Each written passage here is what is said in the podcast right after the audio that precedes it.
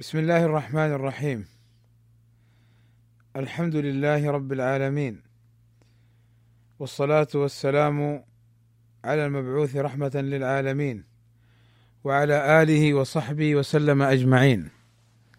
أما بعد فقد انتهى بنا الكلام إلى قول الناظم رحمه الله تعالى وسائل الأمور كالمقاصد واحكم بهذا الحكم للزوائد. ومعنى هذه القاعدة أن الوسيلة إلى الشيء تأخذ حكم المقصد ويعبر عنها أهل العلم بقولهم الوسائل لها أحكام المقاصد. والوسيلة في قوله وسائل جمع وسيلة هي الطريقة التي يتوصل بها إلى الشيء المراد. وقوله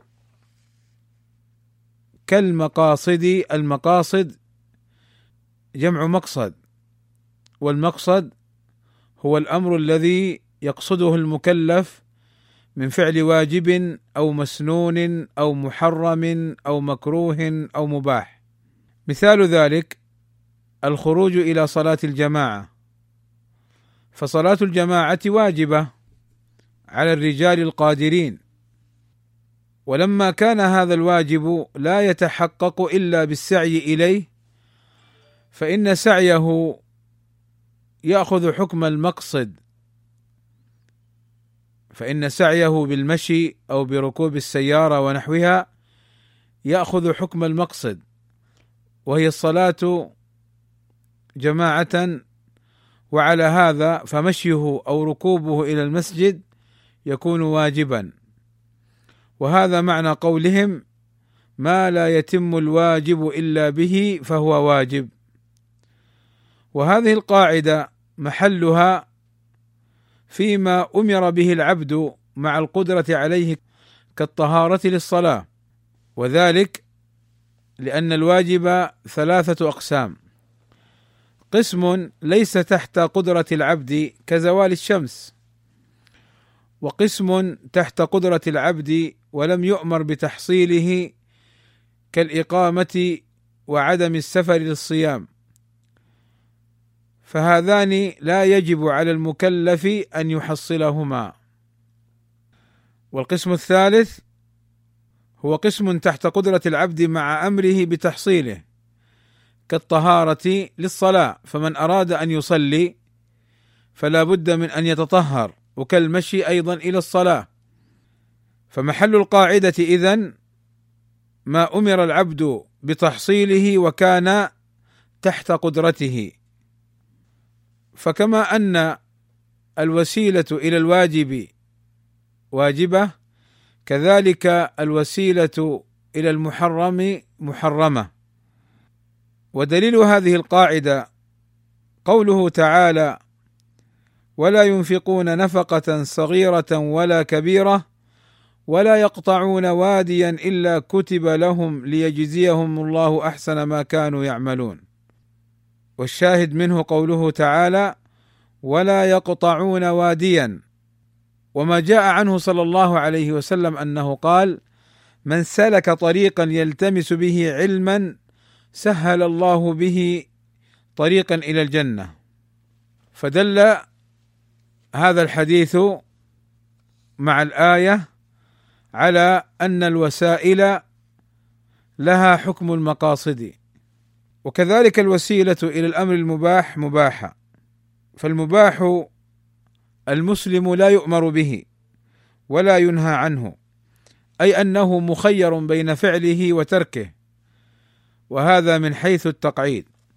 ومن حيث الحكم فإن المباح لا يتعلق به إثابة أجر ولا معاقبة.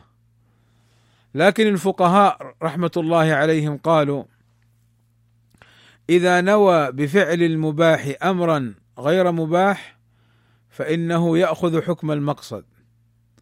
فمثلا السفر أصله مباح.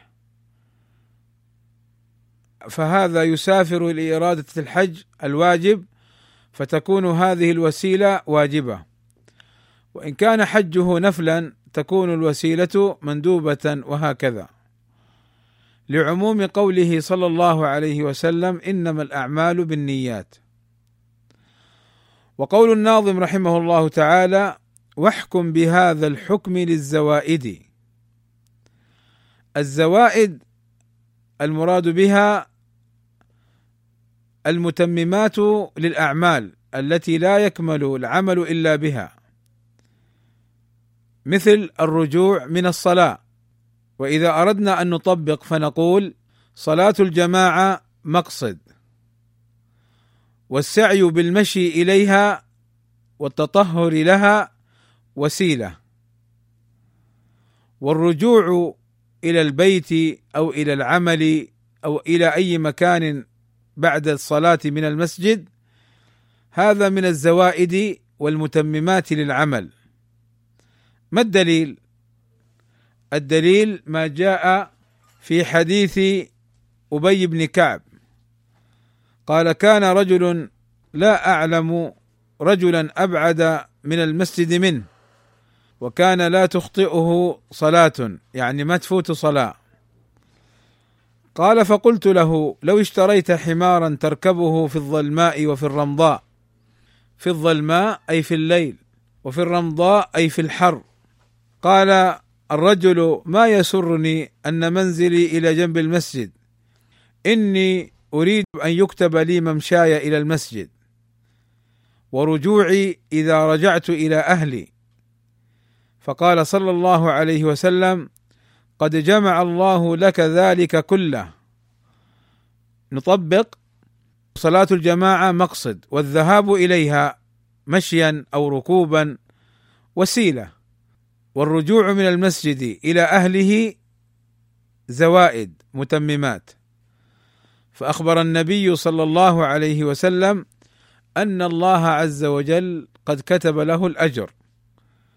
وجاء في رواية إن لك ما احتسبت. وهنا أنبه أيضا على مسألة تتعلق بالوسائل وهي مسألة هل وسائل الدعوة توقيفية أم اجتهادية؟ حصل نزاع في هذه المسألة وهناك رسالة للشيخ الفاضل عبد السلام البرجس رحمه الله تعالى بعنوان الحجج القوية في إثبات أن وسائل الدعوة توقيفية أو نحو ذلك. أنصح بقراءتها ومراجعتها. والخلاصة أننا نقول كما قال أهل العلم ما مرادك بالوسيلة؟ هل مرادك بالوسيلة الأمور التي تنقل الدعوة وتوصلها للناس؟ من مذياع أو تسجيل أو كتابة أو نحو ذلك فهذه اجتهادية لانها وسيلة بمعناها اللغوي. وأما إذا أردت بوسائل الدعوة أي بطريقتها وطريقة دعوة الناس فلا شك أنها توقيفية. وهذه مسألة يتلاعب بها أهل الأهواء. لأنهم يبتدعون طرقا لدعوة الناس فإذا أنكر عليهم قالوا وسائل الدعوة اجتهادية. وهذه طريقة أهل البدع أنهم يأتون بالمسائل المجملة المحتملة فيستدلون بها ويروجونها على العوام. ولذلك يكثر أو تكثر الفتن عندما يستعمل هؤلاء المجملات فيغرون ويضللون عامة الناس بمثل هذه الطرق والأساليب. قال الناظم رحمه الله تعالى والخطأ والإكراه والنسيان أسقطه معبودنا الرحمن لكن مع الإتلاف يثبت البدل وينتفي التأثيم عنه والزلل. قوله رحمه الله تعالى البدل يثبت البدل أي العوض والضمان. وقوله ينتفي عنه التأثيم والزلل أي الخطأ. وهذا البيت يتبع قاعدة المشقة تجلب التيسير. ومعناه أن الخطأ والإكراه والنسيان عند ارتكاب المخالفة الشرعية لا يترتب عليها إثم لأن المخطئ غير قاصد والمكره لا إرادة له والناس غفل حتى فاته العمل. وهذا أي نفي الإثم سواء كان الأمر أو المخالفة متعلقة بحق الله أو بحق الآدميين. إلا أنه في حق الآدميين يثبت البدل العوض والضمان. لماذا؟ لأن حقوق الله عز وجل مبنية على المسامحة. وحقوق العباد مبنية على المشاحاه ومعنى المشاحاه أي الشح والبخل في عدم التنازل والمطالبة بالحق. وليس هذا ذما يعني من طالب بحقه بسبب من أخطأ عليه. فمثلا لو أن شخصا كسر زجاج بيت شخص بالخطأ فهنا لا يأثم لأنه كان مخطئا. لكن نقول له يجب عليك أن تصلح له الزجاج. ويخطئ كثير من العامة حين يظنون أن الإنسان إذا طالب قيمة الشيء المتلف خطا أو نسيانا أو اكراها أنه إثم أو أنه ضرر أو أنه لا يجوز هذا خطأ لأن هذا حكم شرعي هذا حكم شرعي. حتى يقول بعضهم العوض تلف هذا خطأ هذا حكم شرعي. فإن النبي صلى الله عليه وسلم عمل بهذا الأمر وأمر من أتلف شيئا أن يعوضه لأخيه كما دلت على ذلك السنة. وقول الناظم والخطأ والإكراه والنسيان هذه الأمور الثلاثة يجمع بينها أمر وهو عدم القصد يعني غير متعمد غير متعمد. مثال ذلك من صدم سيارة غيره دون قصد فلا إثم عليه لكن عليه ضمان ما أتلف. لكن لو أن إنسانا صدم سيارة آخر متعمدا فإنه آثم بالإضافة إلى وجوب ضمان ما أتلف. فهذا هو الفرق بين الخطأ والعمد. والخطأ لغة هو مقابل للصواب. واصطلاحا هو وقوع الفعل أو القول من الإنسان على خلاف ما يريده. ودليله عموم قوله سبحانه وتعالى ربنا لا تؤاخذنا إن نسينا أو أخطأنا. قال الله عز وجل قد فعلت قد فعلت أي لا يؤاخذنا بالخطأ والنسيان. وأيضا ما جاء عنه صلى الله عليه وسلم أنه قال إن الله تجاوز عن أمتي الخطأ والنسيان وما استكرهوا عليه. وأما الإكراه فهو حمل الغير على ما لا يرضاه. الإكراه هو حمل الغير على ما لا يرضاه.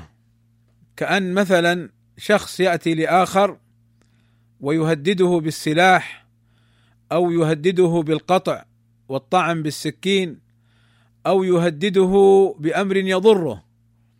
فيقول له قل كذا أو افعل كذا إكراها. فهذا لو قال ما قال وقلبه غير راض وغير مقر لهذا الأمر فإنه لا يضره. ولا أدل من هذا كما سيأتي إن شاء الله من قوله عز وجل إلا من أكره وقلبه مطمئن بالإيمان. والإكراه حمل الغير على ما لا يرضاه ومحله أن لا يمكنه الفرار أو دفع شره.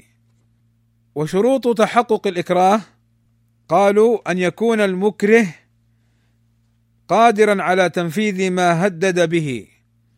يعني لو واحد جاء الواحد ومعه سلاح فيه الرصاص أو معه سكين وقادر على أن يوقع هذا السلاح على هذا المسكين. فهنا قادر. لكن مثلا لو كان ما عنده سلاح وكان يتهدد بالكلام فقط هذا لا يعتبر إكراه. أو كان مثلا مقيدا هذا المكره كان مقيدا هذا لا يثبت الإكراه. هذا واحد الشرط الأول. الشرط الثاني أن يغلب على ظن المكره أن المكره سيفعل ما هدد به وهذا واضح.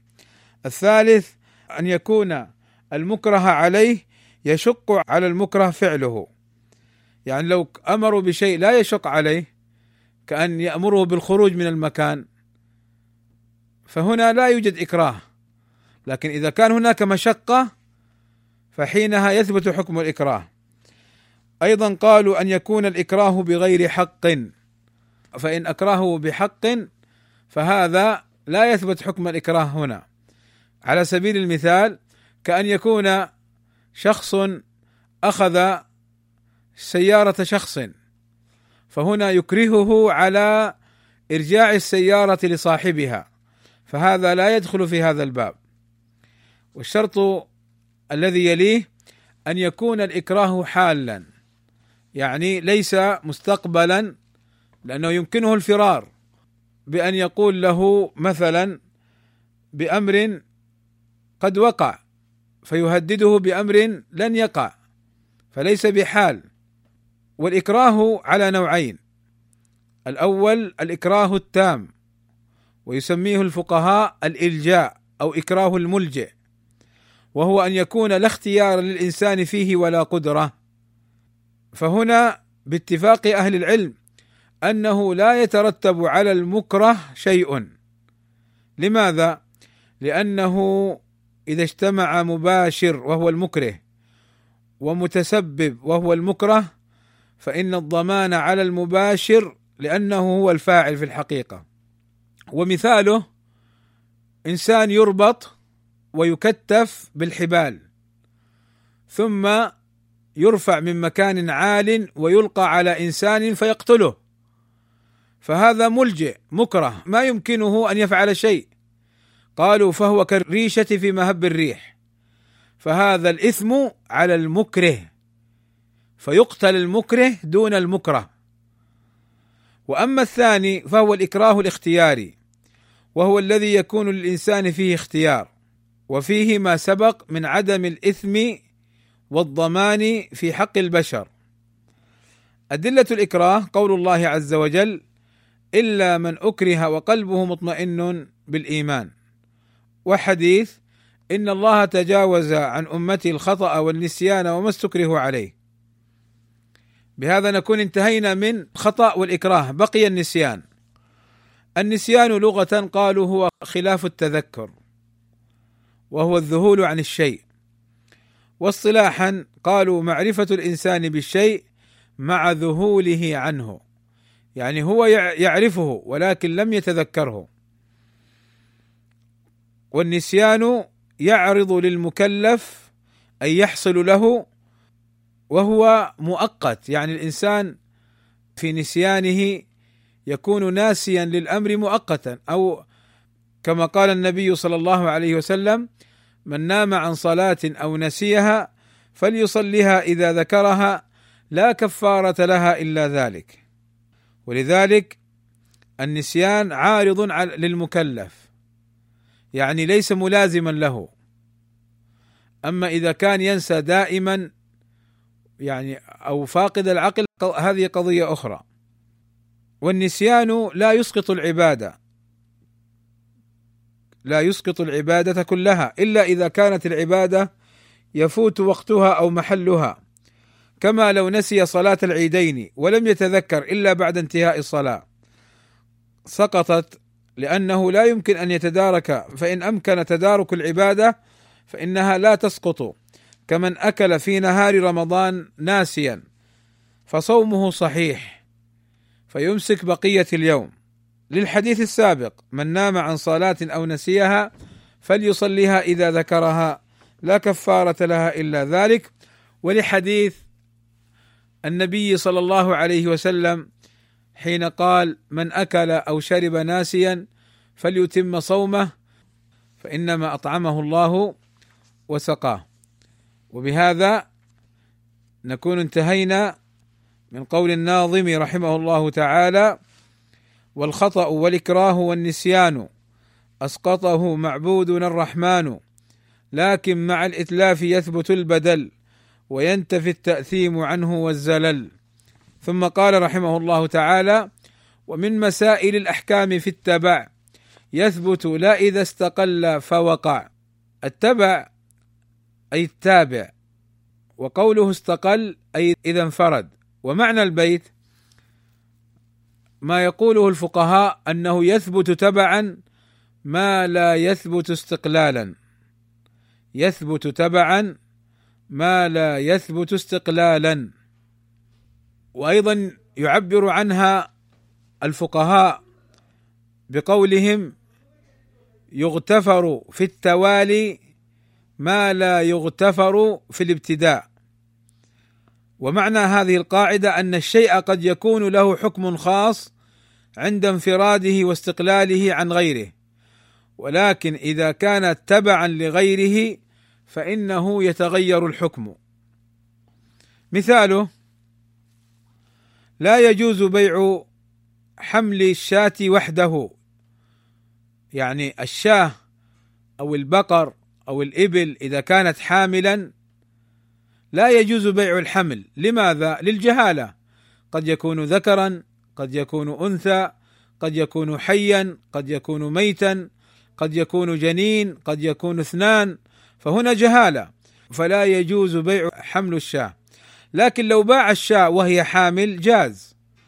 فإذا جاز تبعا يعني مع بيع الشاة بعنا الحمل في التبع أي تابع لها. لكن لو جاء واحد قال أنا ما أشتري منك الشاة أريد أن أشتري منك الحمل نقول له لا يجوز. مثال آخر. النهي عن بيع الثمر قبل بدو صلاحه. فإن النبي صلى الله عليه وسلم نهى عن ذلك. لو جاء رجل أراد أن يشتري الأرض المزروعة وبها ثمر وشجر وفيها ثمر لم يبدو صلاحه جاز تبعا. لكن لو أراد أن يبيع الثمر قبل بدو صلاحه منفردا واستقلالا لا يجوز. ومن هنا عبر الناظم بهذا البيت في قوله ومن مسائل الأحكام في التبع يثبت لا إذا استقل فوقع. وهذه القاعدة وهذه القاعدة قاعدة مفيدة للمتفقه أن يعرف أحكام الشيء أنه قد يحرم بمفرده ويجوز مع غيره. قد يحرم بمفرده ويجوز مع غيره فليس هناك تناقض أو اختلاف. ثم قال الناظم رحمه الله تعالى والعرف معمول به إذا ورد حكم من الشرع الشريف لم يحد. هذا البيت متعلق بقاعدة العادة محكمة. ومعنى هذا البيت أن العرف أي ما يتعارف عليه الناس يعمل به أي يحكم به ويرجع إليه. متى؟ إذا جاءتنا مسألة شرعية لم يبين الشرع فيها معنى شرعيا وليس لها معنى لغويا. لأن القاعدة عند العلماء أن الألفاظ الشرعية أول ما تفسر به بالحقيقة الشرعية أي بالمعنى الشرعي. فلا يجوز حمله على معنى لغوي ولا عرفي. فإن لم نجد مثلا مثل الصلاة مثل الصلاة وأقم الصلاة أي الصلاة المعروفة شرعا التي مفتاحها الطهور تحريمها التكبير وتحليلها التسليم. لكن قوله تعالى وصل عليهم أي ادع لهم. فهنا الصلاة بمعنى الدعاء. لأننا فسرناه بالمعنى اللغوي لمناسبة الآية.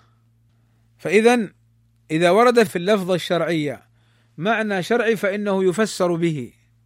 ثم إذا لم نجد له معنى شرعي فإننا نرجع للغة. لأن القرآن نزل بلسان عربي مبين. فإن لم نجد له حدا ومعنى في شرع في اللغة فإننا نرجع للعرف أي عرف الناس وما تعارفوا عليه. والمقصود هنا أن الناظم يقول أن المتعارف عليه عند الناس في المسائل الشرعية التي ليس لها حد ومعنى شرعي ولا لغوي يجوز العمل بالعرف ويحكم العرف فيها. اذا شرط العمل بهذه القاعدة عدم المعنى الشرعي وعدم المعنى اللغوي. وهناك كتاب للشيخ محمد بن عمر بازمول بعنوان الحقيقة الشرعية. تكلم فيها عن هذه المسألة وأورد جملة من الألفاظ التي لها معاني شرعية ثم فسرت خطأ بالمعنى اللغوي أو العرفي. وهو كتاب يعني فيما أعلم يعني جيد في بابه وحسب علمي واطلاعي أنه منفرد في بابه إلا إذا ألف بعد ذلك. اذا هذا البيت يشير إلى قاعدة العادة محكمة. إذا ما يأتي إنسان يقول لا أنا ما أحكم أعطيني دليل شرعي. إذا قيل له مثلا أنفق على ولدك وأهلك بالمعروف يقول لا أعطيني دليل على تحديد النفقة. نقول الشرع أمرنا بالعرف في هذه المسألة. لما قال النبي صلى الله عليه وسلم لتلك المرأة التي شكت زوجها أنه لا ينفق عليها قال خذي من مال زوجك بالمعروف أو كما قال عليه الصلاة والسلام. فأمرها أن تأخذ بالعرف. والعرف لغة التتابع. يعني الناس يتتابعون على فعل شيء ويتعارفون عليه. واصطلاحا كل قول أو فعل أو ترك اعتاد الناس عليه مما لا يخالف الشرع.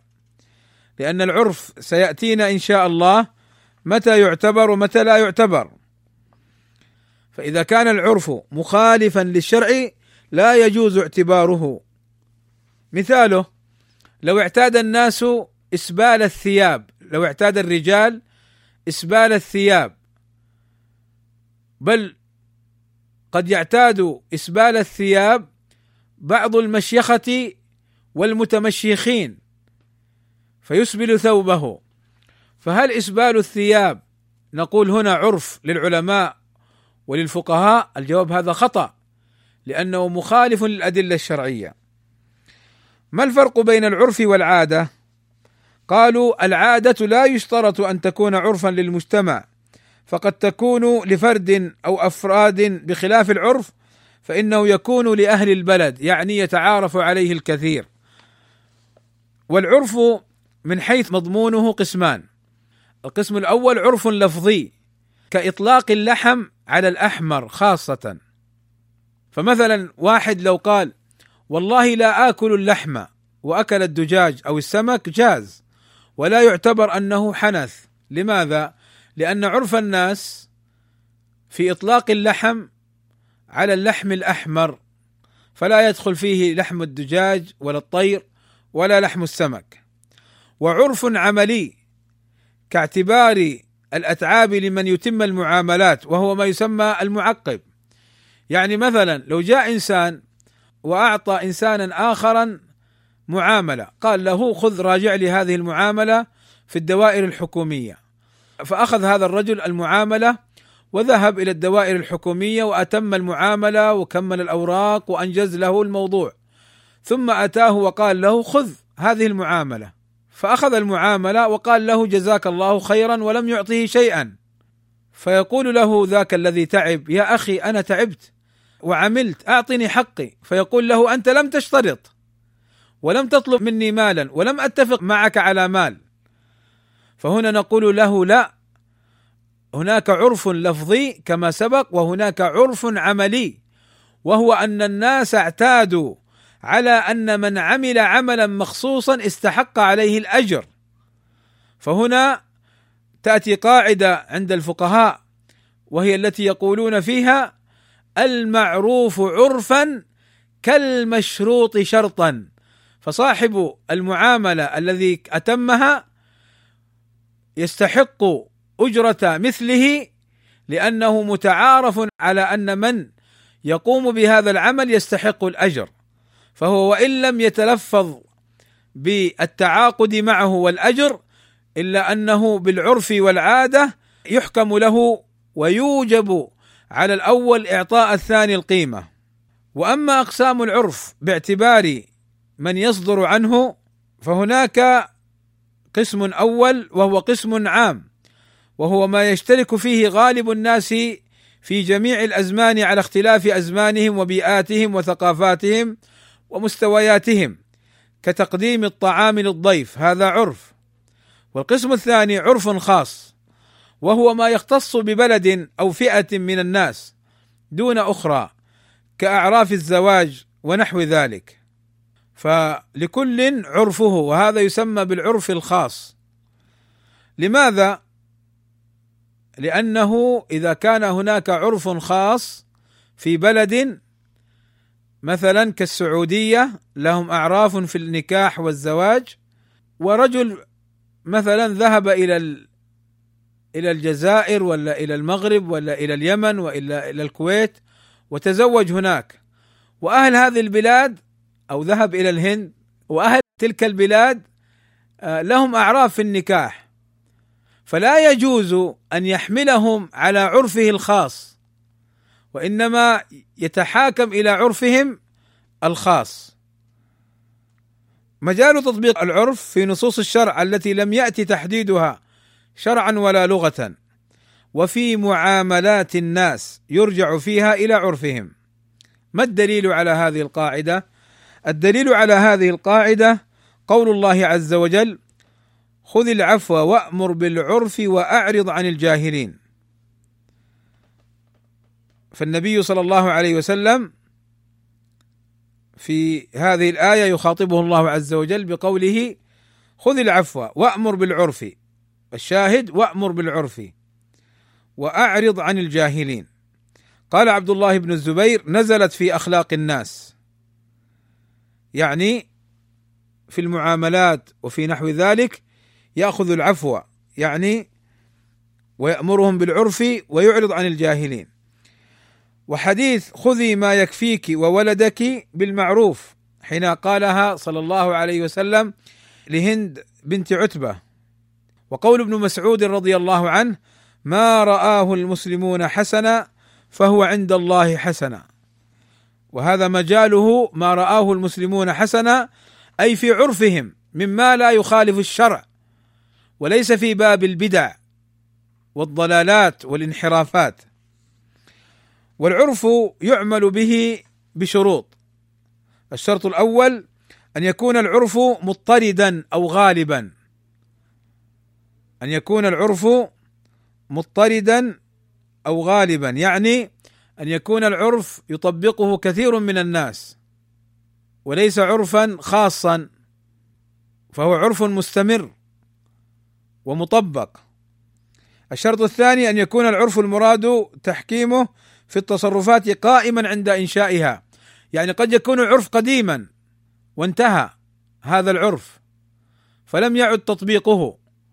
فلو حصل اختلاف في قضية لها عرف قديم انتهى تطبيقه فإنه لا يتحاكم عليه. فلا بد أن يكون قائما. ما معنى قولهم قائما؟ أي معمولا به مستمرا حينها الشرط الثالث أن لا يكون في العرف تعطيل لنص ثابت أو لأصل في الشريعة ولذلك لا عبرة بالعرف إذا خالف النص الشرعي كما مر معنا تعارف بعض الهيئات العلمية على إسبال الثياب أو على حلق اللحية أو نحو ذلك. الشرط الرابع أن لا يعارض العرف تصريح بخلافه من أحد المتعاقدين. يعني مثلا في الصورة التي ذكرناها سابقا واحد أعطى واحد اوراقا ليتمم له معاملته. فقال له هاتها أنا أتممها لك. فقال له الأول طيب بشرط إنك ما تأخذ مني ولا أي ثمن يعني تعمل لي لله. فإذا أردت أن تعمل لي لله خذها وإلا أنا أتمها بنفسي. قال له لا أنا آخذها وأتمها. فلما أتمها طالبه بالمال. حينها نقول له لا ليس لك المال. لماذا؟ والعرف معمول بأن يدفع مالا. فنقول لأنه من شرط العمل بالعرف أن لا يكون هناك تصريح بخلاف العرف وقبول الطرف الآخر له. يقولون من إطلاقات هذه القاعدة لا عبرة بالعرف الطارئ. ما معنى بالعرف الطارئ؟ يعني قد يكون هناك عرف جديد غير مضطرد وغير غالب. هذا لا التفات له. يعني ممكن جماعة تتفق على عرف معين وتعمل به لكن غالب المجتمع لا يعرفه فهنا العرف لا يحكم. ومنه قولهم كما سبق المعروف عرفا كالمشروط شرطا. يقولون أيضا التعيين بالعرف كالتعيين بالنص والمعنى أنه من جهة العمل به من جهة العمل به. قال الناظم رحمه الله تعالى معاجل المحظور قبل آنه قد باء بالخسران مع حرمانه. المعاجل أي الذي استعجل فعل المحظور أي فعل المحرم. قبل آنه أي قبل وقته وحينه. قد باء أي قد رجع. ومعنى البيت أن من استعجل الشيء قبل أوانه عوقب بحرمانه. وهذه القاعدة يقولون فيها أيضا الأصل المعاملة بنقيض المقصود الفاسد. يعني مثلا لو أن رجلا طلق زوجته قبل موته لئلا ترث فإنها ترث. فهذا مقصود فاسد أن يحرم زوجته من الإرث. وكذا مثلا لو أن رجلا أوقف ماله كله ليحرم أبناءه وأولاده وزوجاته من المال وعرف هذا من قصده فإنه يخرج الثلث ويبقى الباقي إرثا للورثة. وأيضا يقولون من استعجل ما أخره الشارع يجازى برده. فمن صلى العيد أو أخرج زكاة الفطر قبل وقتها فإنه لا تقبل منه. ما الدليل؟ الدليل قوله صلى الله عليه وسلم لا يرث القاتل شيئا القاتل قد يستعجل بقتل من يرثه ليأخذ المال. فإن هذا القاتل لو عفى عنه الورثة ولم يقتل إلا أنه شرعا لا يرث شيئا من مال المقتول. وأيضا حديث من لبس الحرير في الدنيا لم يلبسه في الآخرة فعومل بنقيض المقصود. فكما أنه لبس الحرير في الدنيا فخرا وخيلاء حرم منه في الآخرة. اذا معاجل المحظور قبل آنه قد باء بالخسران مع حرمانه. ويدخل في هذه القاعدة أشياء كثيرة حتى الحدث الذي يتصدر ليكون مرجعا للعلم ويتقدم على العلماء فإن السلف كانوا يحذرون من أمثاله. وكثيرا ما نجد بعض الناس يطلب الرياسة في العلم ليكون مرجعا ويرجع إليه بل بعضهم يطالب يطالب السلفيين بالرجوع إليه هو ويجعل نفسه يعني مكلفا ومسؤولا عن السلفيين بحيث لو سئل غيره يعنف أو يتكلم فيه أو يحارب ويسقط كما نشاهده في هذه الأيام للأسف الشديد. فلا شك أن هذا داخل في هذه القاعدة. العالم يرجع إليه ويرجع لاي عالم من العلماء. ولكن من تصدر طالبا للرياسه فلا شك أن مقصوده فاسد وغالبا كما ذكر السلف لا يوفق.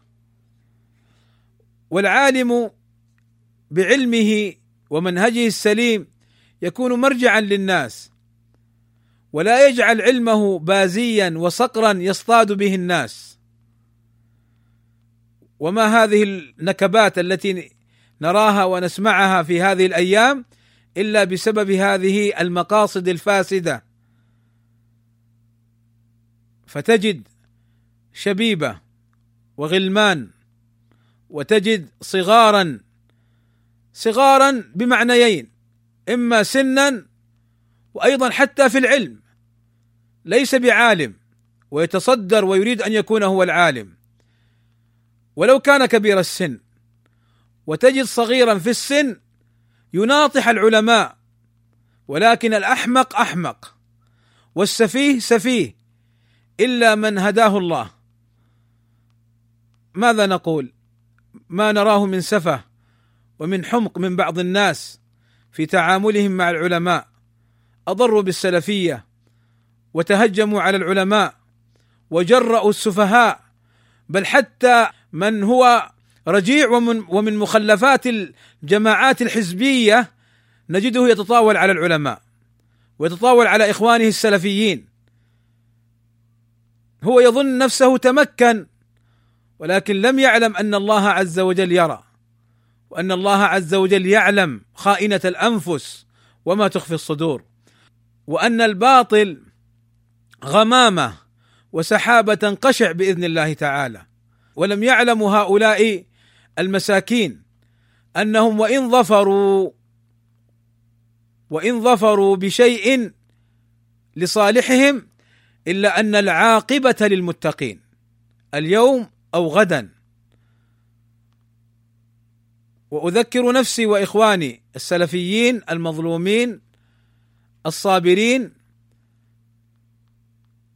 بقول الله عز وجل إنا لننصر رسلنا والذين آمنوا في الحياة الدنيا ويوم يقوم الأشهاد. فالصبر الصبر. وكلنا نذكر قول الإمام محمد بن عبد الوهاب اعلم رحمك الله أنه يجب علينا تعلم أربعة مسائل. العلم العلم الشرعي المنهج السلفي الصحيح الواضح ثم العمل بهذا. لأن بعض الناس لا يعملون بالمنهج السلفي ولو انتسبوا له. ثم إذا عملت بالمنهج السلفي الواضح البين تدعو الناس إلى هذا الحق. فإذا دعوت الناس إلى الحق أوذيت أوذيت فصبرت تصبر على الحق الذي أنت عليه. والحمد لله أشد الناس بلاء الأنبياء ثم الأمثل فالأمثل. ولا شك أن ما نراه من أذية للمشايخ السلفيين ولاخواننا السلفيين هو بالنسبة لنا أمر يدعو إلى السرور لأن ما ضاق الأمر إلا اتسع وأن الفرج يأتي بعد الصبر وبعد العسر يسرا. فالحمد لله الأمور التي يبتلى بها المسلم عليه اولا بالصبر والالتجاء إلى الله عز وجل ثم إن شاء الله عز وجل يكشف هذه الغمة وتزول. فاذا هؤلاء الذين تصدروا قبل أوانهم وطالبوا الرياسة وحاربوا أهل الفضل والعلم لا شك أنهم محرومون لمقاصدهم الفاسدة فلا تغتروا بهم. يعني بعض الناس فيما سمعت في أيام خلت في صوتية لبعض من تصدر من مخلفات ورجيع الجماعات يتهجم على السلفيين الصافيين الخلص. يعني أنت الواجب إنك تسكت وتدعو إلى المنهج السلفي. كنت في أوحال المنهج المخالف. من منهج حلبي أو مأربي. كنت غارق هناك تتمدح فيهم وتطعن في السلفيين. ثم الآن ترجع وتظن نفسك أنك سلفي متصدر ولك الكلام فتطعن في السلفيين الخالصين؟ أعوذ بالله من غضب الله وأعوذ بالله من الكبر وغمط الناس في حقهم. لكن هذا إيذان بسقوطهم. وايذان بإذن الله تعالى بنصرة أهل الحق فالصبر الصبر. قال الناظم رحمه الله تعالى وإن أتى التحريم في نفس العمل أو شرطه فذو فساد وخلل. هذا البيت الذي ذكره الناظم رحمه الله تعالى أراد بقوله في نفس العمل أي أركانه وواجباته. وقوله فذو فساد أي بطلان. أي أنه باطل. وخلل أي أنه غير منتظم لعدم موافقته للأمر الشرعي. وهذه قاعدة أصولية تقتضي أو تقول النهي يقتضي الفساد. ومعناها إن أتى المكلف التحريم في نفس العمل أو شرطه دل ذلك على فساد العمل. وإن جاء التحريم ليس في نفس العمل أي ليس في أركانه وواجباته فإنه لا يؤدي إلى فساد العمل. والصحيح لغة مأخوذ من الصحة وهو ضد السقم والمرض. والصحة في الشرع تطلق على العبادات وعلى المعاملات. فالصحة في العبادات إذا أجزأت وأبرأت الذمة وأغنت عن القضاء والإعادة فإذا توفرت هذه الشروط حكمنا بصحة العبادة أي ظاهرا وأمرها إلى الله. فإذا تحققت الشروط وانتفت الموانع فقد برئت الذمة. وأما فساد العبادة فهو عدم سقوط القضاء. كمن صلى قبل الوقت ومن صامت حال حيضها أو نفاسها. فمن صلى قبل الوقت مثلا قبل الظهر صلى في الضحى صلى الظهر لا يقبل منه وصلاته باطلة وتبقى في ذمته أن يصلي الظهر. والمرأة التي تصوم أيام أيام حيضها أو نفاسها فإنها لا يعتبر صومها ويجب عليها قضاء الصوم. وقد نص العلماء على أن المرأة الحائض وكذا النفساء إذا صامت أنها مبتدعة بصومها. إذا صامت وهي تعلم أنها أنه لا يجوز لها أن تصوم فهي مبتدعة.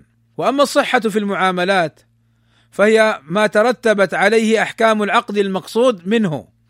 لأن كل عقد ومعاملة يجريها الإنسان يقصد منها مصلحة. وبناء على ذلك يكون فساد العقد إما لعدم تحقق المشروط أو لوجود الموانع كبيع المجهول مثلا. وفساد المعاملة عدم ترتب أثر العقد. فإذا صحة المعاملة تكون بالقيام بمقتضيات العقد وعدم مخالفته وعدم مخالفتها للنصوص الشرعية. فلو أن إنسانا مثلا باع شيئا مجهولا لا يصح بيعه. وفساد البيع أو فساد المعاملة عدم ترتب أثر العقد. مثلا لو أنا جئت وأجرت شقة وهي ليست بملكي. الشقة هذه ليست بملكي. المنزل هذا ليس بملكي. هل يجوز لي أن أؤجره؟ الجواب لا. طيب لو أجرت الواحد وأخذت منه مثلا خمسة آلاف وجاء سكن فلصاحب الشقة أو المنزل أن يخرجه من الشقة. فإن قال عندي عقد مع شخص آخر نقول هذا العقد فاسد. وارجع للقضاء لتأخذ منه المال. مسألة هل النهي يقتضي الفساد أم لا؟ اختلف العلماء. منهم من قال يقتضي الفساد مطلقا ومنهم من قال لا يقتضي الفساد مطلقا والصحيح التفصيل. وذلك أن يقال إذا كان النهي يعود إلى ذات المنهي عنه أو شرطه الذي لا يتم إلا به فهو يقتضي الفساد كالصلاة بدون طهارة. فالطهارة شرط للصلاة. فمن صلى بلا طهارة فصلاته باطلة. وأما إذا كان النهي لا يعود إلى ذات المنهي عنه ولا إلى شرطه ولا يفيد البطلان ولا إلى شرطه فلا يفيد البطلان. كالصلاة في الأرض المغصوبة. وهذا ما ذهب إليه جمع من أهل العلم كشيخ الإسلام وغيره.